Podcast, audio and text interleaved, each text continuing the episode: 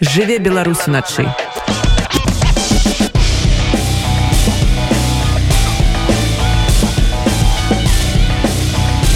Беларускія ноцы. На кафедры беларусістыкі варшаўскага універсітэта адбылася творчая сустрэча з перакладчыцай кацярынай маціеўскай за саламею оскара уальда яна калісьці атрымала прэмію дэбют імя Масіма магдановича адна з апошніх узнагарод узнагарода імя карласа шермана за пераклад зборніка апавяданняў анжя сапкоўскага апошняе жаданне у шырокім ужытку кніжка вядомая под назвай вядьмар знакамітая фэнтэзі маціеўская дарэчы пераклала за месяц А вось на адну з балат балеслава лесьмена у кацярыны пайшло тры гады. Сакрыты творчага працэсу практычныя парады і прынцыповыя пазіцыі.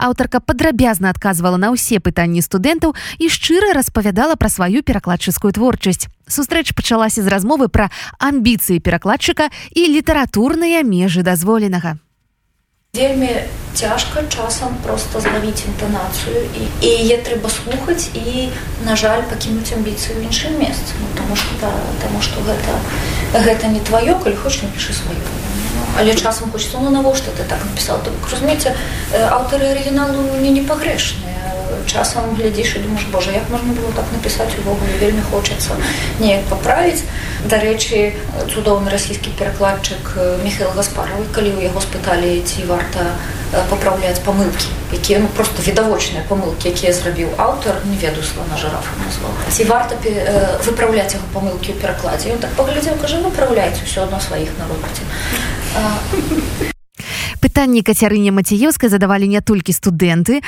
на сустрэч таксама прысутнічалі выкладчыкі кафедры беларусістыкі.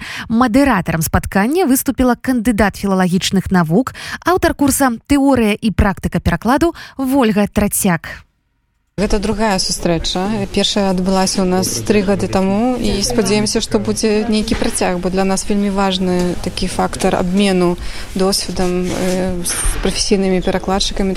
Мы перадаём нейкія можа зерняткі нашым студэнтам, якія пасля пераймаюць досвед, можа кагосьці натхніць такая праца.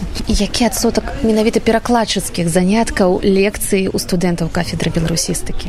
Не так шмат як бы хацелася, але два два семестры у нас на другой ступені адбываецца а першая ступень мае такія ўводныя заняткі ўвогуле у майстэрства перакладу что такое пераклад і таксама будуць знаёміцца з тэарэтыкамі перакладу сусветнага фармату і агульна чым з'яўляецца пераклад перадусім мы ствараем магчымасці якіх не было нават у БДУ калісьці так? Ну тут кацерына успамінала аб майстэрні але мне здаецца што гэта майстэрня былі дадатковыя заняткі не ўпісаныя ў праграму навучання бо нашы прадмет тэорыі практыка мастацкага перакладу прапісаны ў праграме ён адбываецца спецыяльна каб пазнаёміць студэнтаў увогуле з працай перакладчыка каб яны дакрануліся да жывога і адказалі сабе на пытанне ці гэта ім цікава ці яны б маглі б выконваць такую працу ў будучыні падчас сустрэчы з кацярыны маціеўскай студэнты пачулі нямала практычных парад.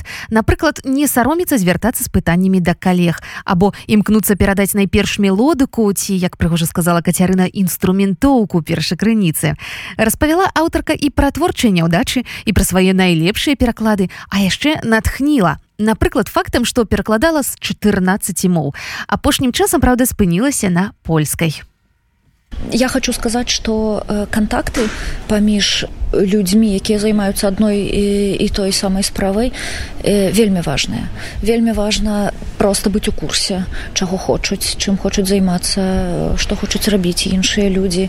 І як нас не было б без папярэдніх пакаленняў творцаў, пісьменнікаў, перакладчыкаў, якія развівалі беларускую мову і так далей, так і без наступных без людзей якія прыйдуць за намі наша праца вядома мае сэнс але ўжо мае менш сэнсу чым калі б штосьці было. Я ведаеце я тут вельмі аптымістычная таму што нягледзячы на страшныя умовы нягледзячы на жахлівую сітуацыю заўсёды знаходзяцца вар'яты якія якія прыходзяць следам за намі ці натхняе ці выклікае аптымізм той факт што сёння у варшаўскім універсітэце ёсць кафедра беларусістыкі па сутнасці адзіная за межамі беларусі дзе можна атрымаць акадэмічную філалагічную адукацыю але вельмі цешыць тое што тут гадамі сістэмна займаюцца навукай і вучаць студэнтаў і што гэта і што гэта ўвесь час гадамі цягнецца і працягваецца і так далей.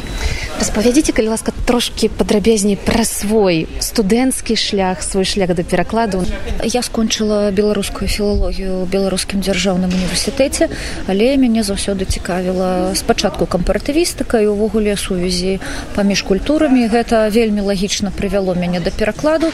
Праўда я пачала перакладаць ну дастаткова позна. Я уже была пасля магістратуры мне было 22 все пачалося з перакладчыцкай майстэрні Андрея хадановича усе усе перакладчыкі каго я ведаю больш-менш майго ўзросту прайшлі праз гэтую перакладчыцкую майстэрню і яна нам вельмі шмат дала памеры памеры развіцця гэтага ўсяго. Я я вучыла мовы перакладала то з адной то з іншай. Розныя тэксты празаічныя паэтычныя. Прайшло 15 гадоў я прыйшла у асноў я прыйшла да польскай і збіраюся працягваць гэтую гэтую справу наколькі хопіць сілаў часу. Калі б у некалькіх радках вельмі абмежавана то якія б вы работы выдзелілі з якімі б вам хацелася каб вы асацыяваліся ваше імя?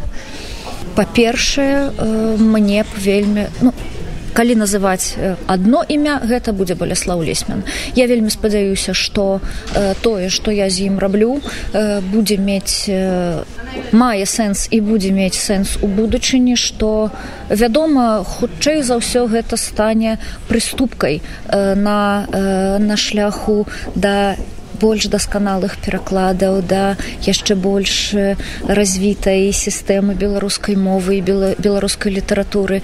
І за мной прыйдуць тыя хто зможа лепш гэта зрабіць і, і сягне нейкіх вяршыняў дасканаласці. Але калі ў мяне хоць штосьці атрымліваецца з лесьмянам і калі вельмі каротка то то гэта ён. Я хочу асацыявацца з ім чалавек які чытае лесьмена ў перакладзе вашым ён чытае лесьмена ці кацярына мазіевская я вельмі спадзяюся што лесьмена то бок чым далей тым больш я спрабую яго зразумець і да яго наблізіцца. І толькі гэта і мае сэнс бо зноў жа калі ёсць паэтычныя амбіцыі то просто варта пісаць свае вершы. Я гэтага ніколі не рабіла. У мяне у мяне ўвогуле ёсць тэорыя што пісанне ўласных вершаў пачынаецца альбо з амбіцыі альбо з фрустрацыі. Пра амбіцыі памаўчым таму што ну гэта не вельмі так сказаць варты павагі а фрустрацыя вядома тое гэта тое з чаго нараджаюцца усе найлепшыя тэксты. Гэта калі чалавек спачатку не можа прыняць усю несправядлівасць увесь цяжар гэтага свету яму трэба гэта выгаварыць. У паэзіі у іншых тэкстах і все такое але я маю такі псіхічны уклад так сказаць что фрустра... моя фрустрацыя праходзіць вельмі хутка я не паспяваю пачынаць пісаць паэтычныя тэксты шчыра распавядала аўтаркай пра тое ці можна сёння жыць перакладаў. Прызнавалася што першы свой ганарар атрымала толькі праз 10 гадоў работы ў гэтай сферы. Ну і канешне кацярына маціёўская натхніла студэнтаў сваёй захопленасцю абазнанасцю прынцыповасцю вельмі спадабалася тое што практычныя рэчы былі пераданы і вельмі шмат такіх уласна рэчаў якія дапамогуць уласна перакладчыку потым і такіх сакрэтаў і натхніла мяне. Мне здаецца што вельмі бы цікава так фактычна бы практычныя рэчы. Тут э, ну, сказано які бы чалавек які гэтым не займаецца ввогуле про это не думае. А это ну, бы вялікая частка этой працы і вельмі так у гэтым сэнсе аспекце цікава стаць ты падняў руку калі запыталіся хто з вас можа быць захоча займацца перакладам а якую б кніжку ты першую пераклаў? Я захвочаны гарри поттером і зараз буду здаецца буду чытаць гэтага ведзьмара то мне здаецца штосьці пасля сапкоўскага каця натхніла сустрэчці э, так. І вельмі спадабалася што чалавек які дасягнуў неча у э, гэтай сферы э, ён таксама спадабалася шчырасць і адкрытасць э, да таго каб дзяліцца каб пашыраць гэтай веды і дзяліцца гэтым на кафедры беларусістыкі варшаўскага універсітэта падкрэслілі гэта не апошняя творчая сустрэча. Далучыцца да спатканняў дарэчы могуць усе хто цікавіцца беларускай літаратурай мовай. Сачыць за навінамі можна на сайце кафедры а таксама на афіцыйных яе старонках у сацыяльных сетках. Жыве беларусь уначы.